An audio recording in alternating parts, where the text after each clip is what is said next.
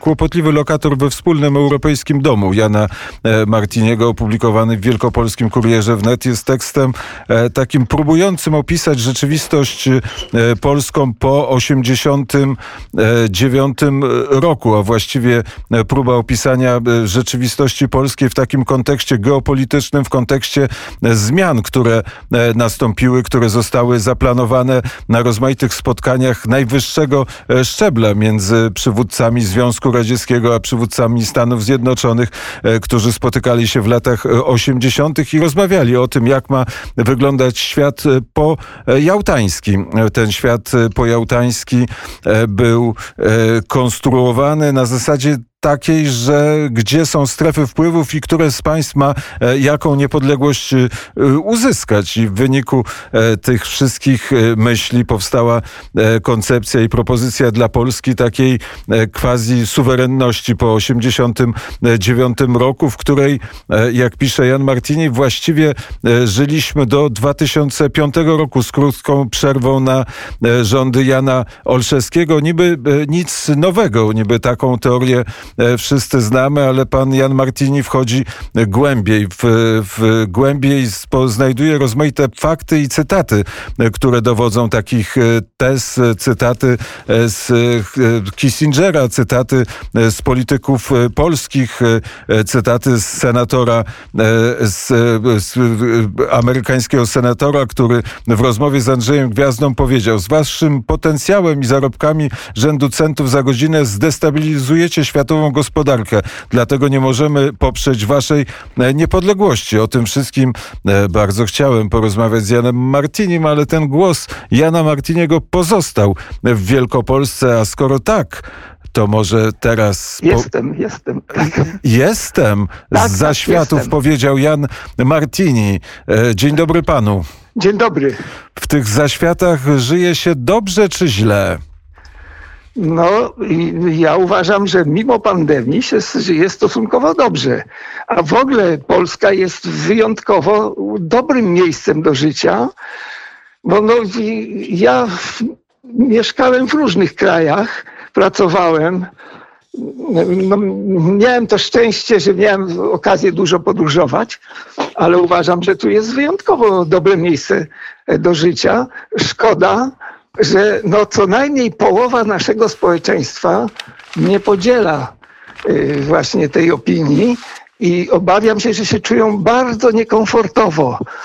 No i to, ale to jest chyba kwestia właśnie teraz jakichś działań, żeby próbować znaleźć, y, y, jak zasypać te wszystkie rowy i jakoś w jakiś sposób przekonać tych ludzi, że w zasadzie nie jest aż tak źle, jak się słucha na przykład e, konkurencyjnych e, prywatnych rozgłośni czy właśnie telewizorni, to wygląda na to, że jest źle, a będzie gorzej.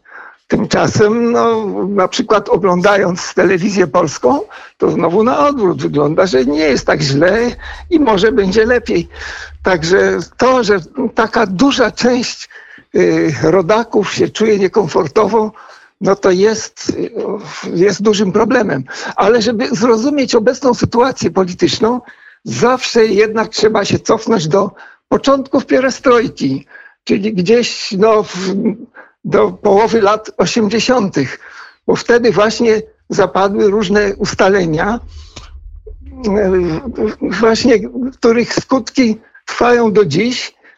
No, wtedy no, najważniejsza była chyba ta konferencja w Reykjaviku, zwana Małą Jałtą, bo tam obok rozmów o zjednoczeniu Niemiec i ewakuacji Żydów z ZSSR, sekretarz Gorbaczow uzyskał obietnicę, że po zmianie ustroju w państwach demokracji ludowej komuniści nie będą represjonowani i umożliwi się im normalne uczestnictwo w życiu gospodarczym. Tak więc no, to jest chyba konsekwencja jest taka, że nie byliśmy w stanie żadnego komunistycznego przestępcy skazać. No a nomenklatura partyjna dostała przyzwolenie właśnie na uwłaszczanie się na majątku państwowym. E, tutaj tak. młodzież, młodzież się z nas śmieje w redakcji, że aż tak głęboko sięgamy w przeszłość, żeby zrozumieć teraźniejszość. W końcu upłynęło już od tej konferencji 36 lat. Czy może ta konferencja mieć jakiekolwiek znaczenie dla nas dzisiaj, tutaj w Warszawie, w Poznaniu, w Krakowie, we Wrocławiu, w Białymstoku? Podejrzewam, że ma ciągle, y, dlatego że te ustalenia y, okrągłostołowe, no to niewątpliwie to było odbiciem y, tych postanowień międzynarodowych, to obowiązują poniekąd do dziś i jakiekolwiek wyszarpanie kawałka suwerenności powoduje wielką reakcję z wszystkich możliwych stron. I to dlatego rządy PiS mają tak złą prasę i na wschodzie, i na zachodzie, i na Bliskim Wschodzie, wszędzie po prostu, w przeciwieństwie do rządów poprzednich, które zawsze no, wzbudzały powszechny zachwyt. No bo po prostu mm, wpasowywały się doskonale właśnie w te ustalenia ale to podejrzewam, że aspiracje Polaków są większe. No ja, ja to właśnie tak się zastanawiałem, czy nasz potencjał nie działa na naszą, na niekorzyść naszej podmiotowości, że nam wolno mniej i mamy taki jak gdyby ściślejszy nadzór. W Czechach można było e, zrobić opcję zerową i zlikwidować komunistyczne służby. My musieliśmy jednak zostawić te komunistyczne służby, także nie bardzo rozumiemy, długi czas nie rozumieliśmy tego parasola ochronnego nad komunistami ze strony Ameryki. Dlaczego forsowali Jaruzelskiego na prezydenta? Dlaczego y, uważali, że nie powinniśmy zlikwidować komunistycznych służb, czyli SB i WSI?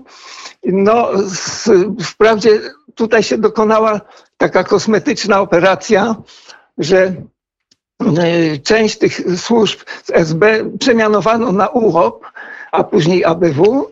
E, no, tych najbardziej skompromitowanych odsunięto. Przeszli oni do, do biznesu, e, tych funkcjonariusze. Natomiast w zasadzie trzon tych służb został no, w zasadzie to nietknięty. No i po prostu doszedłem do wniosku, że e, byli oni najlepszym gwarantem ustaleń okrągłego stołu. Oczywiście jeszcze e, z sądownictwem, którego też nie można ruszyć. E, właśnie coraz się przekonujemy, czego nie wolno ruszyć. Autonomicznych uczelni, niezawisłych sądów, wolnych mediów, Ministerstwa Spraw Zagranicznych. No, coraz czegoś takiego właśnie coś takiego wychodzi, czego nie wolno nam zmieniać. Ale czy to ma znaczenie w 2021 roku, kiedy 21 lat i pełną pełnoletność mają ci, którzy się urodzili już w XXI wieku? Jak w takim razie powiedzieć, tak to ma znaczenie w czwartym, w piątym, a nawet w szóstym roku rządów Prawa i Sprawiedliwości? No, ja myślę, że y, ta atmosfera wokół tych rządów jest y, właśnie tak ustawiona, że jakby one bardzo komuś tam zalazły za skórę, że po prostu mm, wyłamały się z jakichś tam już ustaleń. To bardzo charakterystyczne, e, że właśnie Marcin Święcicki gdzieś powiedział, że nie można ruszać sądownictwa, bo takie były ustalenia na okrągłym stole. No, to już było bardzo dawno, ale w dalszym ciągu praktycznie y, no, jest w Polsce jakaś no, chorobliwa dwuwładza, y, że, że nie możemy nic y, reformować, bo zaraz obrońcy wolności na całym świecie się odzywają. Także to jest właśnie no, jakaś bardzo dziwna sprawa i w dalszym ciągu nie mamy swobody manewru jakiejś. No, dlaczego samorządy na przykład, ta niesłychanie wielka y, podmiotowość samorządów Zawsze się to tłumaczy, że samorządy wiedzą najlepiej, co komuś potrzeba, że nikt tak dobrze nie, wie, e, nie, nie zna potrzeb, e, powiedzmy, Krakusów, jak prezydent Majchrowski. No i właśnie, żeby do samorządów się nie wtrącać, bo one wiedzą najlepiej, co komuś potrzeba. No ale w rezultacie się robi jakaś dziwna dwuwładza. No tam jest jakieś wolne miasto Gdańsk, no jakieś, jakieś po prostu dziwne historie. No i w dalszym ciągu w zasadzie jest bardzo ciężko z tym jakoś walczyć. No. A to jest też dziwne, że wszelkie tego typu historie, jak ten y, przekop w Świnoujściu, czy, czy Mierzei Wiślanej, nie mówiąc już o centralnym porcie, y, wywołują taką wielką niechęć y, wśród opozycji naszej miejscowej, nie mówiąc o tym, że tak samo różnych podmiotów zewnętrznych nie wywołują entuzjazmu. No i to, to wydaje mi się, że to co ciągle są konsekwencje właśnie tych ustaleń. A co mnie jeszcze uderzyło, że ta koalicja, e, znaczy obalanie rządu e, Jana Olszewskiego, który był pierwszym rządem wyłonionym z wolnych wyborów. Był to rząd, był to rząd niewątpliwie polski. Byli tam tajni współpracownicy, ale rząd był niewątpliwie polski i został no, obalony przez no, taką koalicję europejską. Dokładnie wszyscy ci sami. Plus jeszcze właśnie KPN, który tą niszę rynkową zajął, co obecnie ma Konfederacja. Oni wszyscy właśnie wspólnie i, i, i właśnie to wspólne działanie y, wszystkich innych sił politycznych, no i zawsze to gdzieś w tyle głowy świadomość, że Prawo i Sprawiedliwość nie ma zdolności koalicyjnych.